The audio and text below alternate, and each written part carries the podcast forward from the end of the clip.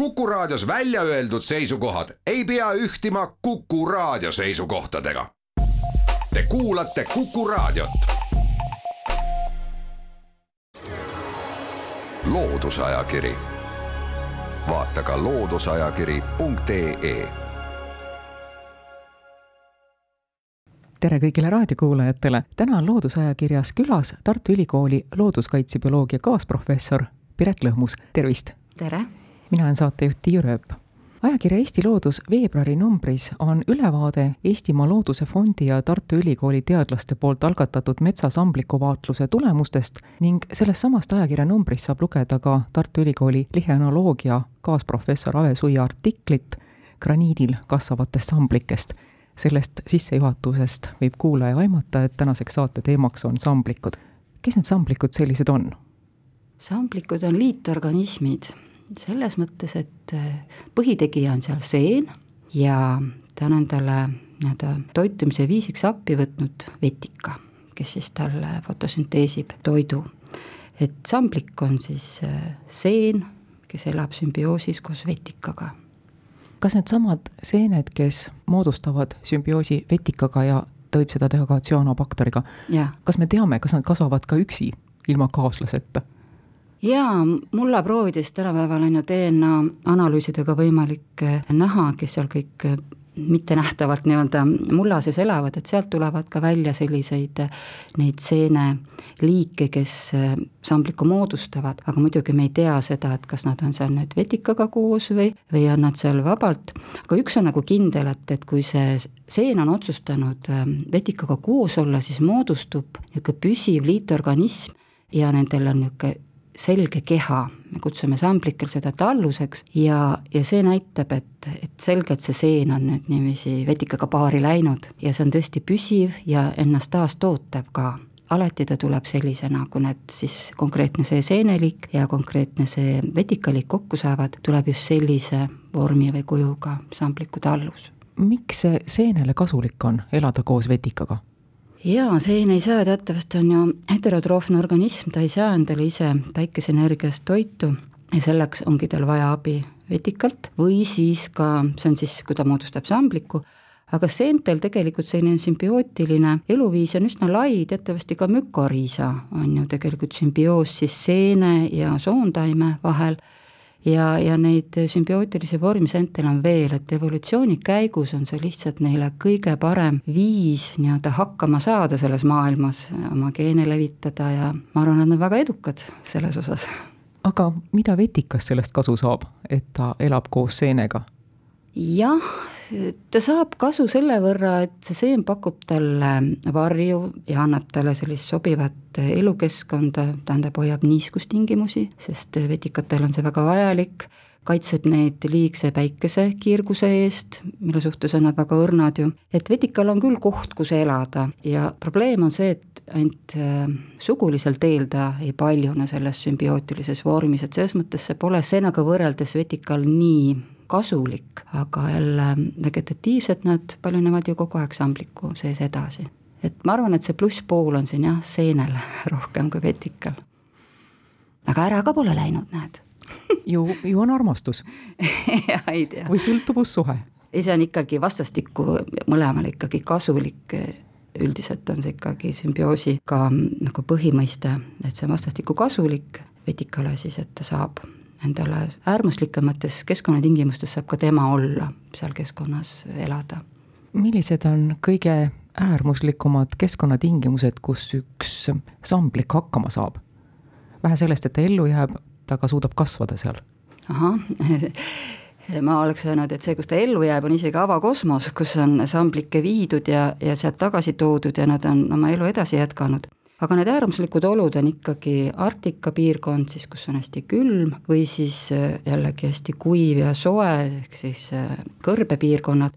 et seal on täiesti omad sambliku kooslused ja liigid ilusti olemas. Et see võimaldab neil hakkama saada. Ka tänu ka sellele, et neil on ka erilisemad äh, talluse vormid näiteks, et nad on siis kas hästi pisikesed, niisugused koorikekirmelised, või siis on jälle näiteks nendes kõrbetes ähm, selline kasvuvorm, et nad on nagu sellised vabalt veerevad pallid, hästi õhulised ja nii kui õhuniiskus tuleb, siis nad kiiresti jällegi niiskuvad see tallus ja käib fotosüntees edasi, et kohastumised on hästi vahvad neil erinevates äärmuslikes tingimustes. Eesti Looduse veebruari numbrist saab teada, et Eestis on üle saja sellise sambliku, kes saavad hakkama graniidil kasvamisega, kelle jaoks ongi sobiv kasvukeskkond graniitkivi. kui palju meil on metsas kasvavaid samblikuliike? Neid seeneliike, kes amblikke moodustavad metsades, ma nüüd tegin hiljuti kokkuvõtte ja sain ligi viissada. Need on siis, kes siis moodustavad siis selle sümbioosi, neil on siis kas pisisamblikud või suursamblikud, pisisambliku osa kusjuures ongi seal suurem metsas ja lisaks sellele on, mida ka lihenaloogid uurivad, on nendel samblikete alustes endis sageli sees veel ühed mikroseened, kes siis mõnikord parasiteerivad, mõnikord nad noh, jätavad selle sambliku rahule, aga just Ave Suia ongi spetsialist, kes on neid väga palju ka uurinud Eestis ja neid on ka veel üks sada sealjuures, selliseid mikroseeni, kes siis samblikete alustes kasvavad, et selles mõttes see metsade liigirikkus on ikka päris suur, ikka üle poole sellest, mis me Eestis üldse teame see sai selgeks, kui palju meie metsades elab erinevat liiki samblikke, kui paljud neist on ohustatud, kui paljud neist vajavad meie kaitset? meil on ohustatud ähm, sada seitsekümmend kaks metsadega seotud samblikku ja looduskaitse all on neist äh, kolmkümmend seitse, kui ma õigesti mäletan, aga minu viimatine analüüs näitas, et tegelikult vajavad äh, kaitset palju rohkemad liigid, sealhulgas näiteks äh, mitmed just põlismetsadele tõesti ainult seal elavad liigid, kes on praegu näiteks küll teises kaitsekategoorias, aga minu arvates peaksid nad olema juba esimeses kaitsekategoorias. ja lisaks sellele muidugi, et meil on see otsene kaitsealuste liikide nimekiri, on tegelikult paljusid samblikke, ohustatud samblikke võimalik kaitsta ka nii, et me võtame kaitse alla vääriselupaiku, me majandame pigem püsimetsanduse võtetega ja kui me jätame säilikpuid, siis pigem jätta neid gruppidena, et väga palju ka muid võimalusi on tegelikult samblikke kaitsta, ilma et me võib-olla seda liiki peame täpselt igalt poolt üles leidma. loodusajakiri, vaata ka looduseajakiri.ee loodusajakiri jätkub. saates on külas Tartu Ülikooli looduskaitsebioloogia kaasprofessor Piret Lõhmus saatejuht Andi Jürep. millises metsatüübis elab kõige rohkem samblikke? ma ei olegi niiviisi kokku võtnud, aga äh, ma võin öelda, et äh, kui me võtame meie viljaka kasvukoha tüübi metsad, salumetsad, laanemetsad, mis on saanud väga kaua omal omatahtsi areneda aastasadu ja sinna on tekkinud palju erinevaid kasvupindasid, mikroelupaiku siis see on samblike poolest väga rikas. ja loeb siin muidugi tänapäeval, me peame rääkima ikka sellest ka, et loeb ka see, mis selle metsa ümber maastikuliselt on. et kui jäävad need üksikud vanametsa killud, kus on tõesti see rikkus olemas, aga ümber maastik on juba lage ja vaesunud, siis ühel hetkel ikkagi ka need, ähm, selle põlismetsa kildude elustik hakkab tasapisi vaesuma, kui seal näiteks kasvupinnad ei teki enam juurde või vahetuvad. aga üldiselt jah, ikkagi laanesalumetsad on ühed ja sellised vanad kus on palju erinevaid puuliike ja tüügaspuid ja lamapuid ja selliseid häiringulaikusid ja vot see on väga vahva, palju liike on seal. milline mets on kõige samblikuvaesem, mis teeb kohe nukraks, kui seda vaadata? istutatud noormets jah, minu jaoks, ma ei ole palju neid noorendikke tahtnud tegelikult eh, läbi kammida, mul on küll kogemus siis ütleme viis-kuus aastat peale lageraiet erinevate raiesmike uuringust ja ma pean ütlema, et need ei ole veel liigivaesed, sellepärast et seal on olemas kännud, mida hakkavad samblikud asustama, sinna tulevad noored haavad, kust tulevad pioneerliigid peale ja mõned säilikpuud, kuhu veel on jäänud alles. et selles mõttes on see niisugune värske raiejärgne, see metsata metsamaa veel suhteliselt samplikurikas, aga ta vaesub ära sellel hetkel, kui tõesti tuleb see monokultuur peale ja muidugi monokultuurne kuusik on ikka noh, minu silmal ikka täitsa õnnetus. Eelmisel aastal jaanipäevast kuni oktoobrini, oktoobri lõpuni kutsusid Eestimaa Looduse Fondi ja Tartu Ülikooli teadlased inimesi üles metsa- ja raiesmikke samblikke vaatlema sellel vaatlusel osales umbes nelisada viiskümmend inimest. mida head või mida kasulikku te teada saite sellega? selle uuringuga? ma võin kohe öelda, et mida head selle algatuse käigus loodi ennekõike, on see, et, et loodi palju head äh, õppematerjali samplikest. ma ei tahaks kuidagi vähem väärtustada seda osa kui need andmete kogumist, sest äh, esimest korda on meil olemas tõesti sellised liike tutvustavad videoklipid, samplike loeng, tõesti väga professionaalne Tiina Randlane loeb, samuti sellised väiksed tutvustavad klipid, kus näiteks kolleeg Poliina Tektorenko räägib nii imeliselt, kes on samblikud, kus nad on, miks nad on, või, või Kristiina Mark tutvustab seda, et mismoodi see sambliku sümbioos ja kuidas me neid triipkoodistame näiteks, et ma näen, et näiteks õpetajad saavad nende viie-kuueminutiliste videoklippidega fantastiliselt neid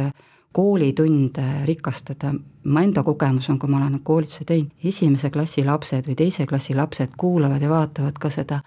ja, ja siis üks tüdruk ütles mulle pärast seda, kui Kristiina seda loengut nägi, tal oli valge kittel ka seljas, ütles, et mina tahan ka teadlaseks hakata. et vot ühesõnaga, et, et selle üle mul on hästi hea meel, et meil on selline andmestik ja seda te leiate sellesama samplikud.ee kodulehelt, need materjalid ja on ka Eestimaa Looduse Fondi Youtube'i kanalis, kõik tulevad kenasti reas. et see on minu arvates selline tõesti püsiväärtus, mida õnnestus luua ja suur tänu Eestimaa Looduse Fondile, et nad tõesti kõik selle meie jaoks, meie ainult läksime ja rääkisime koha peal. Aga kas andmetest rääkida, siis äh, saime ikkagi väga palju nii-öelda siis neid puudelt fotosid, kus me määrasime liike ja see kõik tähendab, kuna nad on seotud ka GPS-punktiga, siis see tähendab ju otseselt kohe leviku andmeid. muidugi inimesed alati ei vaadanud üle, et kui nad panevad märgipunkte automaatselt, et kas see GPS näitab jätkuvalt seda Keila Selveri parklat või ta näitab juba seda metsapunkti, et, et mul oli seal siiski mitmete punktide puhul kahtlusi, et, et need ei ole päris sealt. aga see ei tähenda samal ajal liigid, mida sealt fotode pealt ära määrasin, et need andmeid on võimalik ikkagi kasutada siis teisel moel, kas siis suhteliste sageduste arvutamisel, et ühesõnaga palju saime sellist väärt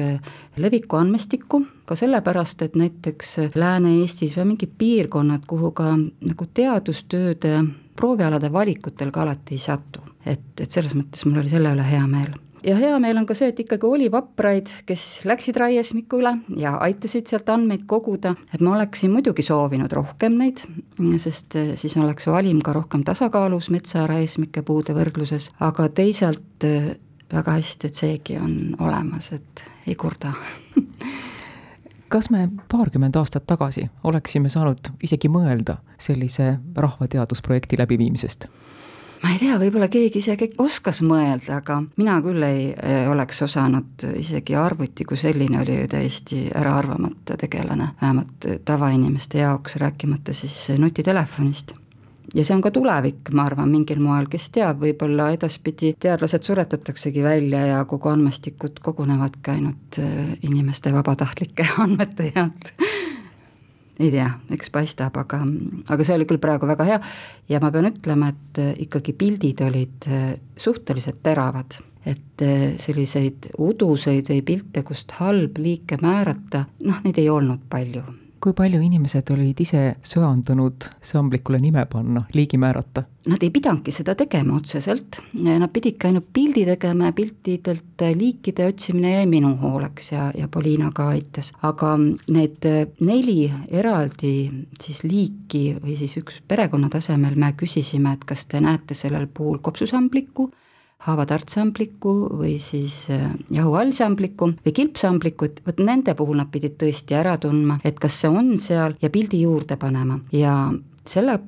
põhjal ma võin küll öelda, et ähm, see ei olnud kerge ülesanne, sest ikkagi kopsusambliku pähe tuli mul palju hallsamblike pilte ja, ja teiste liikide pilte, aga samas just nimelt, kuna oli pilt juures, siis ma sain tõesti öelda, et kas see määrang on õige või vale, et see on väga oluline, et inimesed panid need juurde. ja õnnestus ka ikka muidugi, ei olnud dominantne, et mööda pandi aga ma sain aru, et see ei ole lihtne inimesel võib-olla alguses kohe mõelda, et, et kui suur ja väike see kopsusamblik on või, või kui suur väike see jahusambliku hõlm peab siis olema või kust ma vaatan seda tunnust, et, et see ei pruugi olla lihtne. ma saan aru, et te praegu veel analüüsite neid eelmisel aastal korjatud tulemusi. kas teil on juba mõttes, et võiks midagi analoogset tulevikus veel teha? uuel suvel jälle? ei, uuel suvel anname inimestele rahu ja võib-olla leiavad nad, tulevad teised huvitavad projektid mina küll näen selles ähm, kampaanias äh, suurt potentsiaali tegelikult seda met-, metoodikat, et sa palud inimestelt siis metsapuudelt ja raismike puudelt pilte teha ja siis saad sealt liike määrata,